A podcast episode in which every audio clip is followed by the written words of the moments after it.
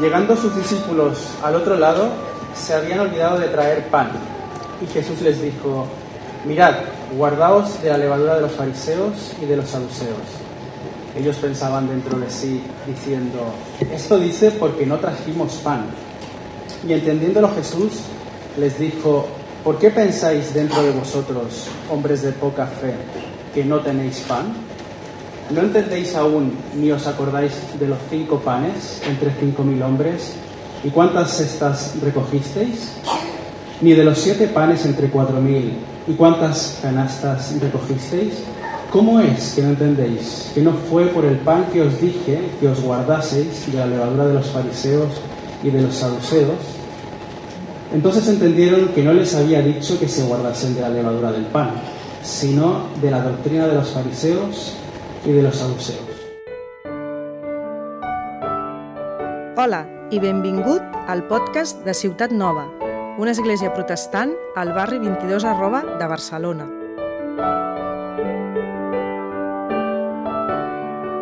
Eh, en nuestro contexto cultural contemporáneo no se considera para nada una virtud el hecho de que tú, desde tu manera de pensar, desde tu religión o desde tu filosofía de vida, eh, critiques y digas que otra filosofía de vida diferente a la tuya o una religión diferente a la tuya es falsa o que contiene errores. Esto es eh, tremendamente impopular hoy en Occidente. ¿Pero eso por qué? Eso es porque eh, la visión predominante, eh, la visión que impera en Occidente es la de un relativismo moral, es decir, el bien y el mal lo defines tú mismo, y también de un relativismo, podríamos decir, filosófico. Eh, aquella verdad, si es para ti y te funciona, es correcta para ti, pero no podemos decir que sea una verdad absoluta. Este texto, sin embargo, en este texto vemos un acto de Jesús subversivo, totalmente contrario a lo que eh, la cultura contemporánea defiende. ¿Por qué? Porque Jesús está precisamente diciendo que hay sistemas doctrinales o sistemas de pensamiento que no son válidos, ¿sí? que son falsos. Y de esto les está diciendo a sus discípulos, y esta es la enseñanza principal para nosotros hoy, es guardaos, ¿no? tener cuidado, vigilar. Así que este sería nuestro, nuestro tema, la enseñanza principal uh, que vemos en este texto, y es que la vida cristiana, si la queremos vivir bien, debe ser una vida de vigilancia, de constante vigilancia, de estar alerta, atento, despierto.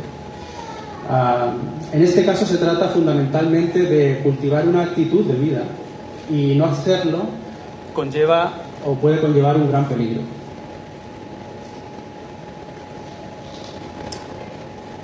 Estar alerta, ser vigilante, tener cuidado. Veamos tres cuestiones que se desprenden de este texto. La primera, la necesidad de ser vigilantes. La segunda, ¿contra qué debemos ser vigilantes? ¿Cuál es ese peligro? Y la tercera, un obstáculo para ser vigilantes. La necesidad de ser eh, vigilantes. Vemos que este texto comienza con una situación eh, de lo más ordinaria de lo más ordinaria los discípulos sencillamente cuando llegan a, a, delante de su maestro se olvida de que habían traído pan.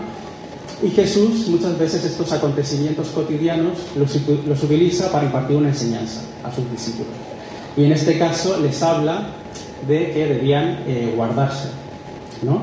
de la levadura de los fariseos y de los saduceos ¿Y um, por qué dice esto? Porque como vimos en el domingo pasado, Jesús acaba de tener un encuentro con ambos grupos religiosos. Estos grupos vemos que son eh, contrarios a Jesús y vienen a Él no para buscar respuestas honestas a sus dudas, sino que vienen a Él simplemente para tentarle. ¿sí? Esto es lo que vimos el domingo pasado. En la predicación de JJ de cómo ellos vienen y le dicen y le piden que se les dé una señal, a pesar de que ya habían visto multitud de señales y milagros hechos por Jesús. La intención detrás de, de esta petición es para tentarle. Y esto quiere decir que estos grupos lo único que hacían ¿sí? era cazar a Jesús en alguna palabra para poder utilizarla en su contra y poder desmentir y desacreditar todo lo que había enseñado. Esta es eh, una actitud que vemos en estos grupos, pero una actitud también de personas a nuestro alrededor que pueden mostrar quizá un interés en el cristianismo, pero en el fondo, ¿sí? lo que puede haber es simplemente desde, la, desde entrada ya no creer ¿sí? lo que esta gente de fe me quiere decir, sino simplemente hacer preguntas capciosas. ¿sí? Estas preguntas que se hacen para ver si te pillo en alguna inconsistencia y poder así eh, desmentirte. Um, esa actitud la vemos también hoy en día. Y um, entonces Jesús le dice que uh, ante esta situación, ¿sí? ante estos grupos, sus discípulos deben eh, guardarse. El significado original simplemente quiere decir volver la mente ¿sí? o la atención hacia aquello que pueda representar un peligro. Y um, no es la primera vez, ¿sí? No es la primera vez que Jesús dice a sus discípulos que deben guardarse de cosas. Ya lo hemos visto en este Evangelio, ¿sí? Y um, lo hemos visto, por ejemplo, que um, ellos debían guardarse de peligros internos. ¿Qué quiere decir esto? Pues de peligros, no que están fuera, sino que pueden estar dentro por causa de nuestro pecado. En el Sermón del Monte vimos que dice a sus discípulos y a, y a todos aquellos que le quieren seguir, guardaos de hacer vuestra justicia delante de los hombres, porque entonces no recibiréis recompensa de Dios. ¿Sí? Esto es un peligro interno, podríamos decirlo. ¿no? Pero también les llamó a guardarse de peligros externos. El mismo Sermón del Monte vemos que dice que deben guardarse de falsos profetas, falsos maestros que vienen y les enseñan cosas distintas a las que Él les enseña. También les dice que deben guardarse de aquellas personas que buscan su mal físico, ¿sí? que buscan eh, perseguirlos, encadenarlos, juzgarlos. Deben guardarse ¿sí? en un sentido amplio de la palabra. Y eh, quizá este no es un aspecto de la vida cristiana o de lo que ofrece el cristianismo que nos entusiasme demasiado, ¿verdad? Porque estar alerta implica eh, que existen allí fuera peligros o una serie de peligros sí que pueden afectarme negativamente. Eh, sí, la vida cristiana ofrece una vida de paz, una vida de comunión, una vida de gozo, de alegría en el Señor, de la comunión cristiana, ¿sí? Pero uh, nos dice que hay muchos peligros que nos pueden robar esas cosas. Así que la vida cristiana no puede ser la de un relajamiento moral y espiritual. Eso sería lo opuesto a estar alerta. ¿sí? Y lamentablemente la escritura, la Biblia, nos ha dejado bastante testimonio de eso, no solo en el Nuevo Testamento, sino también en el Antiguo.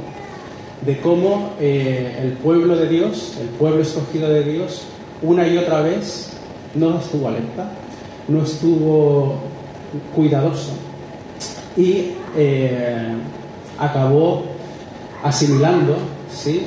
Eh, y practicando eh, aquellas cosas que eran enseñanza de pueblos de su alrededor, ¿sí?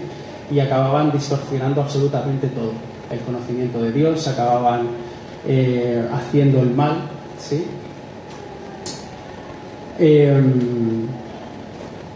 Así que esto sería lo primero. La vida cristiana, para vivirla bien, es necesario mantenernos en guardia o mantenernos vigilante ante ciertos peligros. Pero vemos en este texto también contra qué debemos ser vigilantes. ¿Contra qué debemos ser vigilantes? Mirad, guardaos de la levadura de los fariseos y de los saduceos. Y al final del texto se nos dice que esta levadura es la doctrina. ¿sí? Entonces, ¿contra qué debemos ser vigilantes? Contra la falsa enseñanza, contra el error doctrinal, también podríamos decir. Vemos que ambos grupos, saduceos y fariseos, eran facciones del judaísmo, es decir, grupos que uh, se habían separado ¿sí? y habían formado un partido propio, un grupo religioso propio independiente. Y esto lo hacían porque eh, había relajamiento moral, ellos consideraban que había relajamiento moral y espiritual en el pueblo, ¿sí? y entonces ellos surgen como ejemplo de piedad, surgen como ejemplo de lo que significa seguir a Dios, de lo que significa obedecer la ley. Así que estamos ante dos grupos que eh, conocen la Biblia, conocen las escrituras y lo más sorprendente es que Jesús les está diciendo a sus discípulos, hey, no os fiéis de ellos. y vemos que señala su doctrina como levadura. ¿Por qué esta palabra? Esta palabra. Esta palabra tiene una importancia en la mente del pueblo judío, en la visión de los judíos, porque recuerda una antigua festividad. Em, recuerda al momento del Éxodo, el momento en el que el pueblo de Israel ¿sí? es eh, liberado de Egipto, de su esclavitud, y eh, Dios les da una serie de ordenanzas justo en el momento en el que ellos van a ser liberados, que celebrar la Pascua y comer de los panes sin levadura. Estos panes sin levadura lo que quiere decir es que em, no podían perder tiempo ¿sí? en eh, la fermentación del pan, porque esa salida iba a ser inminente. De hecho, la Pascua, el Cordero Pascual judío, lo tenían que comer de pie. ¿sí? Es ese recordatorio constante de que la salvación del Señor la tienen que esperar alertas, atentos y que sucederá de una manera inminente. Pero esa levadura eh, comenzó a simbolizar en la mente de los judíos ah, el mal la corrupción moral, por decirlo de alguna manera. Todo aquello que contamina. Y Jesús les está diciendo a sus discípulos que esas doctrinas, que esas falsas enseñanzas, ¿sí? su naturaleza es la de corromper todo. ¿sí? Aunque en un sistema doctrinal, como pueden ser los fariseos o los saduceos, hayan elementos de verdad, por ejemplo, la figura de Dios, las promesas, las fiestas, ¿sí? todo lo que ellos, todo lo que ellos añaden de más que no se ajusta a la Biblia, a los mandamientos de Dios, sino que es de creación suya, obra humana, ¿sí? Y hacen esta mezcla, todo eso lo que hace es que todo el sistema se corrompe, ¿sí? Y se desvía.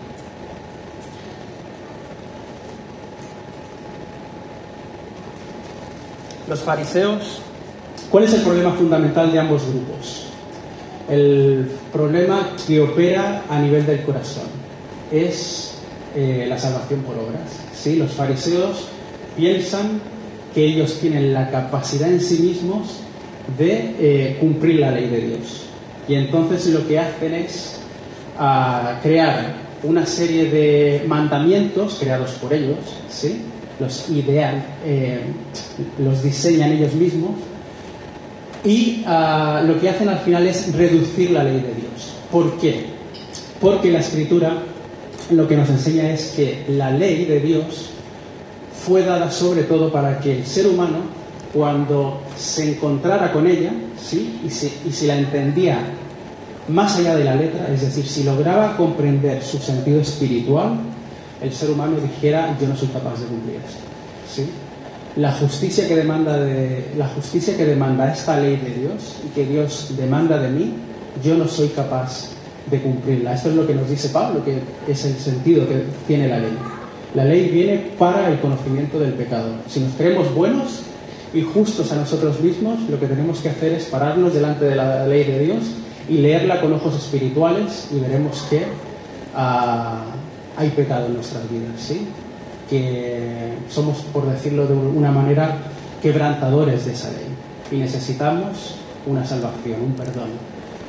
Pero los judíos, los israelitas, eh, los fariseos, perdón, no la veían con ojos espirituales. Y entonces, perdón, y entonces lo que pensaban era que la podían cumplir. ¿Y qué hacían? Reducir, ¿sí? Reducir la ley. Olvidando su sentido espiritual y cristocéntrico. Vemos, por ejemplo, que eh, decían que en el día de reposo estaba prohibido arrancar espigas. ¿Sí? Esto es eh, un suceso que vemos en los evangelios y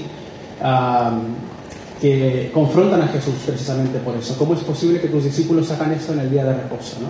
Arrancar espigas y también le acusaban de que no se podía sanar a un enfermo en día de reposo. Todas estas eran eh, creaciones de ellos. ¿sí?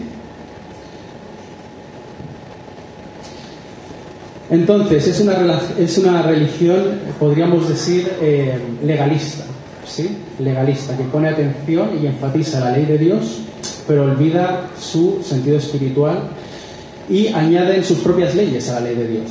¿sí? De modo que eh, sus tradiciones acaban posicionándose por encima de la ley de Dios. Por ejemplo, ellos enseñaban que un hijo ¿sí? podía decir a su padre en necesidad material, un padre con necesidades materiales, que el hijo le era legítimo decir, tengo esta ofrenda, tengo este dinero, pero no te lo puedo dar porque es una ofrenda consagrada a Dios, es corbán. Y Jesús les dice, cuando vosotros enseñáis esto, invalidáis el gran mandamiento de honrar a vuestros padres. ¿Sí? Este es un ejemplo de la manera en la que ellos distorsionaban completamente el sentido de la ley. Otra manera en la que opera la religión legalista de los fariseos es enfatizando los asuntos menores de la ley y pasando por alto los más importantes. Jesús les dice que ellos son hipócritas, porque eran meticulosos en cumplir, por ejemplo, con el diezmo, ofrendando la décima parte ¿sí? de, de sus bienes, pero no cumplían lo más importante. Les dice en Mateo 23, 23, hay de vosotros, escribas y fariseos, hipócritas, porque diezmáis la menta, el eneldo y el comino, y dejáis lo más importante de la ley, la justicia, la misericordia y la fidelidad. Esto era necesario hacer sin dejar de hacer aquello. Olvidar los asuntos más importantes, las cosas que más importan a Dios y centrarnos en aquellas cosas quizá más pequeñas. Y esto se ha hecho, este problema, sí, que podríamos decir, ha asolado a la iglesia cristiana desde siempre, el legalismo el pensar que nosotros podemos ganar nuestra propia salvación. Y las consecuencias son las que acabo, los ejemplos que acabamos, que acabo de poner. Por ejemplo, enfatizando asuntos muy menores. Eh, en el siglo pasado se decía, ¿no? Eh, siglo pasado, era muy común en los círculos evangélicos eh, algunas prohibiciones, ¿no? Como por ejemplo no bailar, no pintarse, no ir al cine, ¿sí? Y casi a nivel de doctrina. Eh, esto en algunos círculos quizá más en, Estados Unidos o, en Sudamérica. Pero ¿qué vemos aquí? Que son... Em, se considera esto como un sinónimo de piedad, ¿sí? Pero vemos que es una piedad externa, que los asuntos más importantes ah, para Dios, como puede ser em, la misericordia, practicar la justicia, la generosidad, ah, pueden quedar enterrados bajo esta capa de superficialidad. También podemos caer en este error cuando veo en mí mismo alguna fortaleza, ¿sí? O alguna virtud. No sé cuántos de vosotros quizá tenéis, sois muy, muy, muy disciplinados, ¿sí? Tenéis... y podemos ensalzar esa virtud en nosotros, pero al mismo tiempo quizá minimizar pecados, ¿sí? Pecados que hay en nuestras vidas, como puede ser, no sé, la codicia, ¿no? Todo lo que tengo y todos mis bienes lo gasto en mí mismo Pues puedo considerar esto como algo menor porque eh, disciplina en hacer mis ejercicios espirituales, en leer la Biblia, en orar, en venir a la iglesia. Tenemos que tener cuidado, dice Jesús, de guardarnos de estas tendencias que eran eh, propias de los fariseos. Los saduceos. Si los fariseos eran un grupo religioso que ponía todo el énfasis en la ley de Dios, los saduceos es también un grupo religioso, pero podríamos decir más materialista. ¿Por qué? Porque ellos, por ejemplo, no creían en que en la vida eterna, no creían que hubiera resurrección, y esta era punto de confrontación entre fariseos y saduceos. No creían tampoco en un juicio divino después de la muerte y uh, defendían la libertad humana. Varias cosas, ¿no? Varias cosas que hoy en día uh, mucha gente las cree. Que no hay nada después de la muerte, que no existe el alma, que no existe un Dios, que no hay resurrección ni juicio. Y um, Vemos que los saduceos, el peligro del cual nos advierte Jesús aquí es que ellos hacen una mezcla. ¿sí? Ellos están influenciados por el paganismo griego, ¿sí? que lo que hace es eh, considerar todo lo material como algo negativo. Por eso que no creen en la resurrección. ¿sí? Es, eh, pero al mismo tiempo asumen eh, cosas de la ley de Dios hacen como una... Su religión o todo su sistema es una conformación, ¿sí? De la religión judía por un lado, pero ideas del paganismo. Y... Um,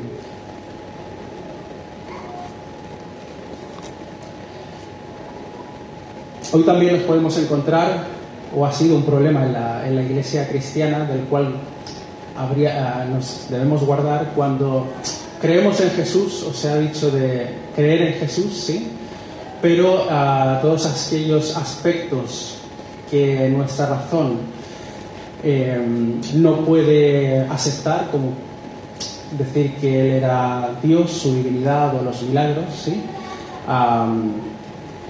Es porque creemos por un lado ¿sí? en Jesús, pero al mismo tiempo estamos siendo fuertemente, influenciados por eh, las ideas seculares, ¿sí? las ideas no cristianas.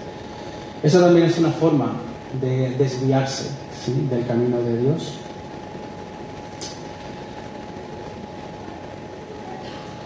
Y em, vemos que el guardarse, ¿sí? el guardarse de este peligro de la falsa doctrina ha sido siempre una constante. Jesús, estando con sus discípulos, y una vez sus discípulos estando ya no con Jesús, sino predicando el Evangelio, vemos que la mayoría de cartas y de las epístolas escritas por los apóstoles, en ellas se encuentra siempre esta advertencia.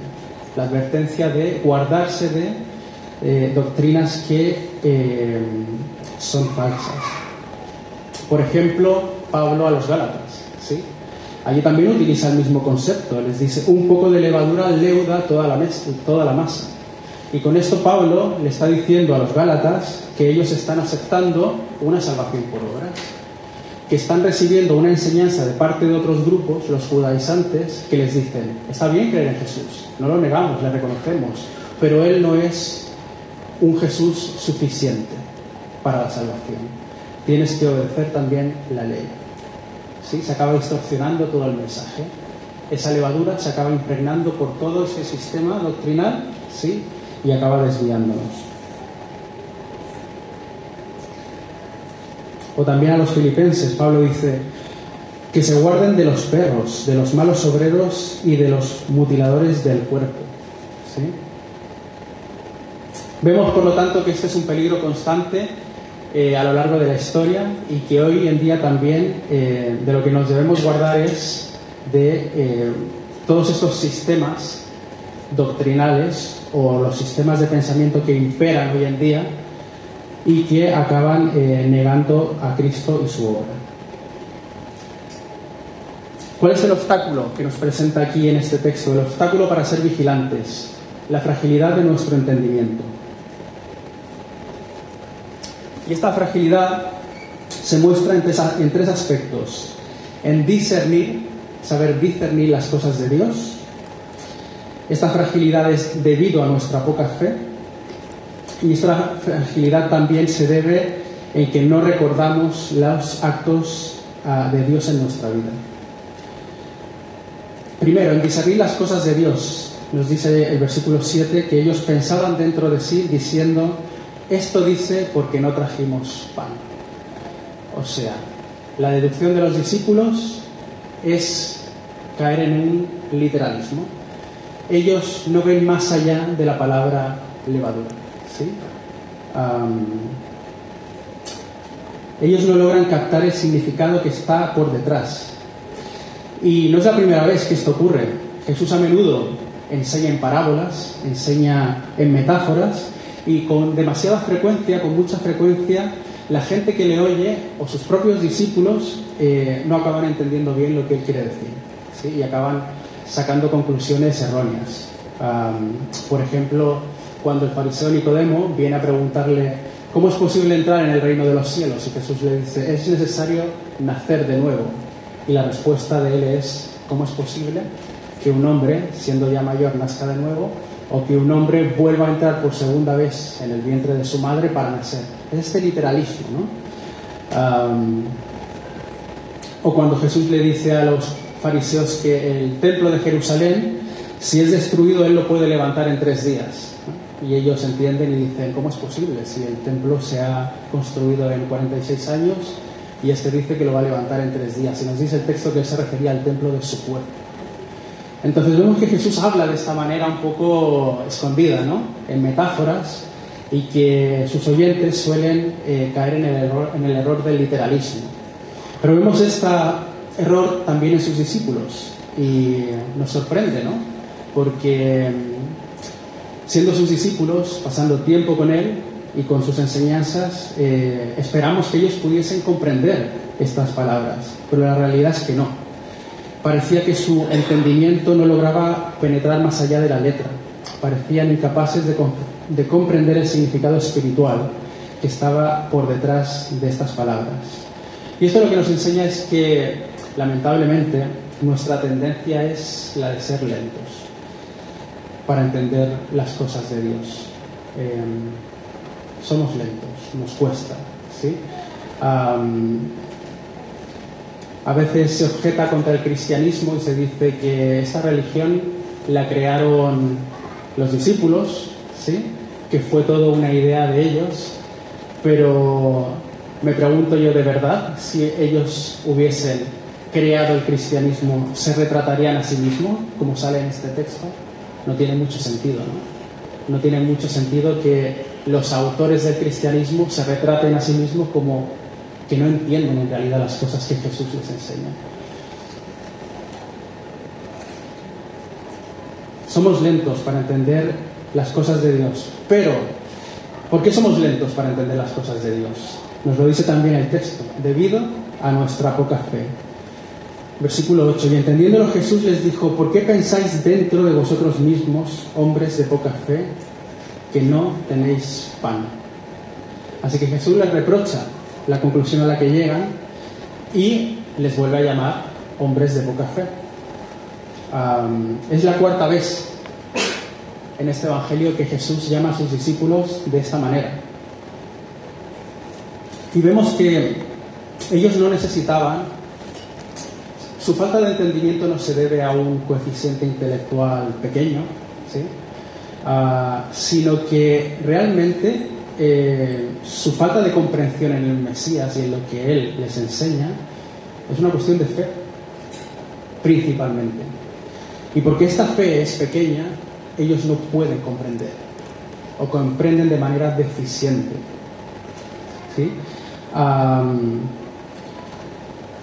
Esta poca fe significa que ellos no están recibiendo de forma suficiente en su corazón todo el beneficio de contar con la presencia, las promesas, el poder y el amor de su Maestro. ¿Cómo se expresa esta poca fe? ¿O cómo se ha expresado en este Evangelio? Se expresa, por ejemplo, en la inseguridad de provisión. Sermón del Monte. Ah, si Dios provee sí, a los pájaros, ¿cuánto más a vosotros, hombres de poca fe? Entonces, si sufrimos de inseguridad por las cuestiones materiales, ese síntoma, ¿sí? Lo que está señalando es probablemente una fe pequeña. Pero la, poca fe, perdón, también produce miedo.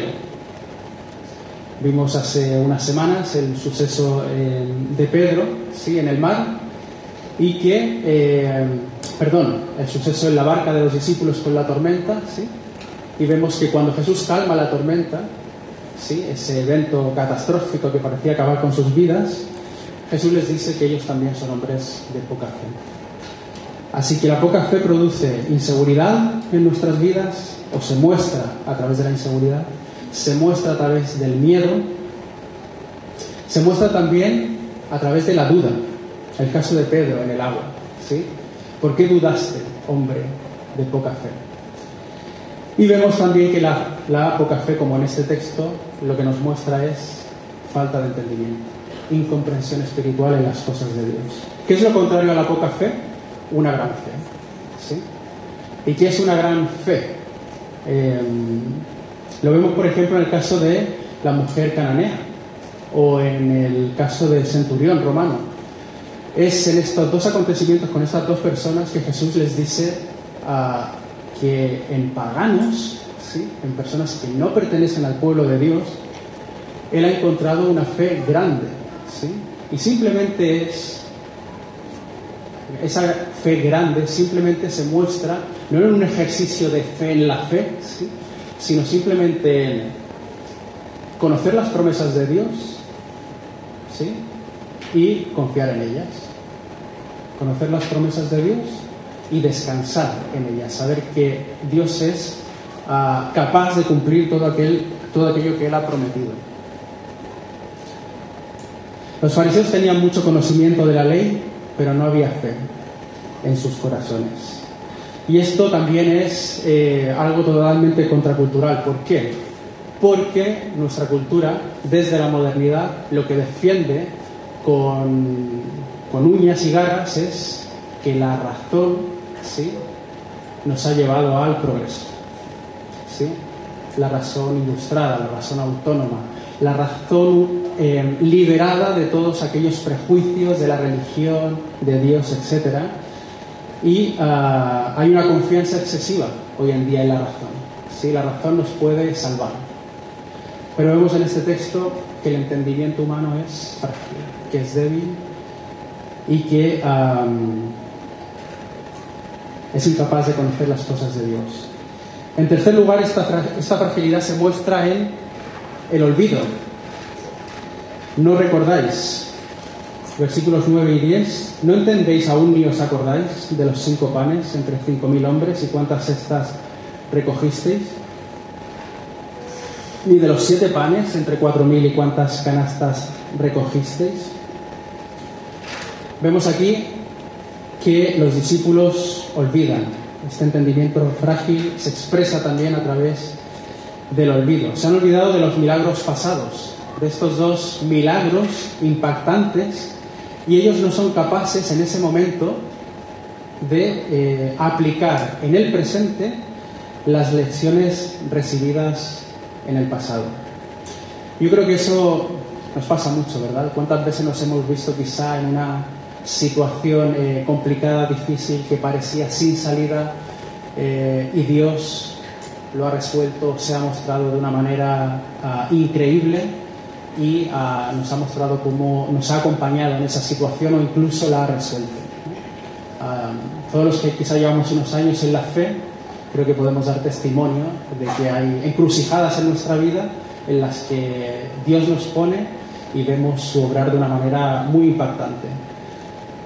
Pero es verdad también que muchas veces nos volvemos a encontrar en situaciones similares, ¿sí? en encrucijadas, y uh, lejos de recordar la manera en la que Dios nos ha provisto y nos ha ayudado en el pasado, eh, acabamos también eh, olvidando esto, olvidando y no acordándonos de cómo Dios uh, nos ha provisto. Dice David Burr, debemos recordar el carácter de Dios tal y como se revela en las Escrituras, las grandes promesas de Dios y sus intervenciones en nuestra vida hasta la fecha.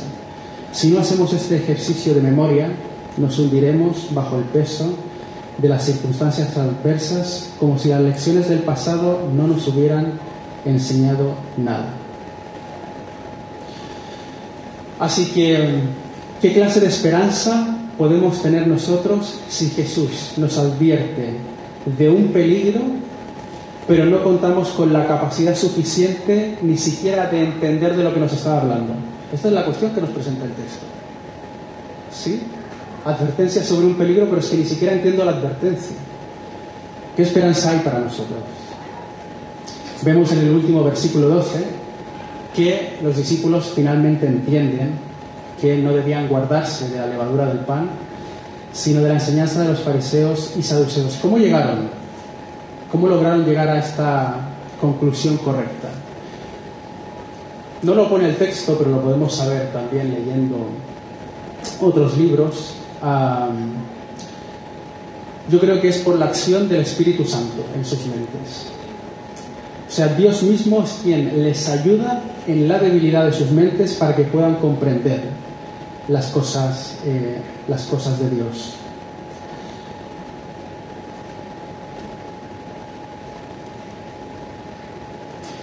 Y digo esto porque lo que viene justo a continuación ¿sí? es una prueba de que es Dios quien ilumina nuestro frágil entendimiento. Jesús les pregunta a los discípulos, y lo veremos el próximo domingo, quién es Él, acerca de su identidad, y vemos allí la confesión de Pedro de que Él es el Cristo, el Hijo de Dios. Y la respuesta de Jesús es que ese conocimiento, ¿sí? Eh, al que Pedro llegó y los discípulos, no se lo reveló ni carne ni sangre, no fue por iniciativa propia, sino que quien se lo reveló fue su Padre que está en los cielos.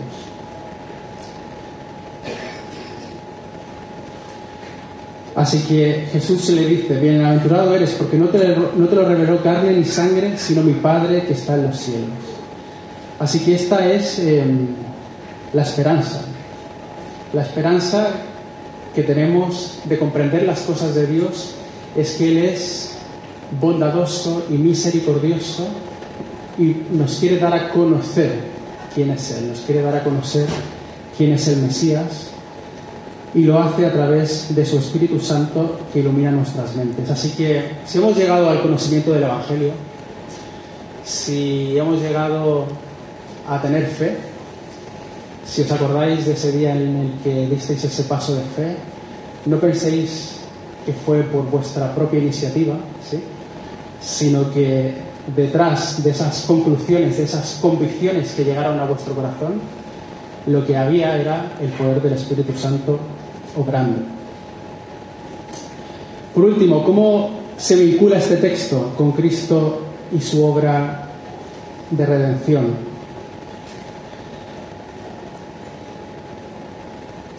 La levadura, como hemos dicho, simboliza corrupción. Y Pablo en Corintios dice también que la levadura simboliza el pecado en nuestras vidas. ¿sí?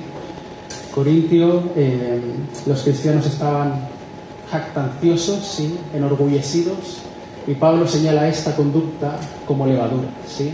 el mal que hay en nosotros, que opera en nosotros. Pero vemos que esta levadura, ¿sí? Eh, que representa el pecado, aquello de lo que debemos ser limpios, se come precisamente en el día de la Pascua, ¿sí? Eh, en el pueblo judío. Y dice Pablo, dice Pablo, les llama a ellos a dejar limpiados de la levadura de malicia y de maldad y que la cambien por la levadura de sinceridad y de verdad, porque nuestra Pascua, que es Cristo, ya fue sacrificada por nosotros. Esa Pascua en la que se comían los panes sin levaduras representaba a Cristo, representaba su sacrificio que iba a sustituirnos, iba a sustituir a sustituto, perdón. Y ese sacrificio nos limpia, nos limpia de nuestro mayor problema para con Dios, nuestra jactancia, nuestro orgullo para con Dios, toda esa levadura que puede infectarnos, ¿sí? que puede corromper a nuestra mente, nuestros afectos, Cristo con su sacrificio ya nos ha limpiado. Y la exhortación de Pablo es, y para nosotros es, que ya que Jesús nos ha limpiado de todos y cada uno de nuestros pecados, ahora también limpiémonos de esa levadura restante ¿sí?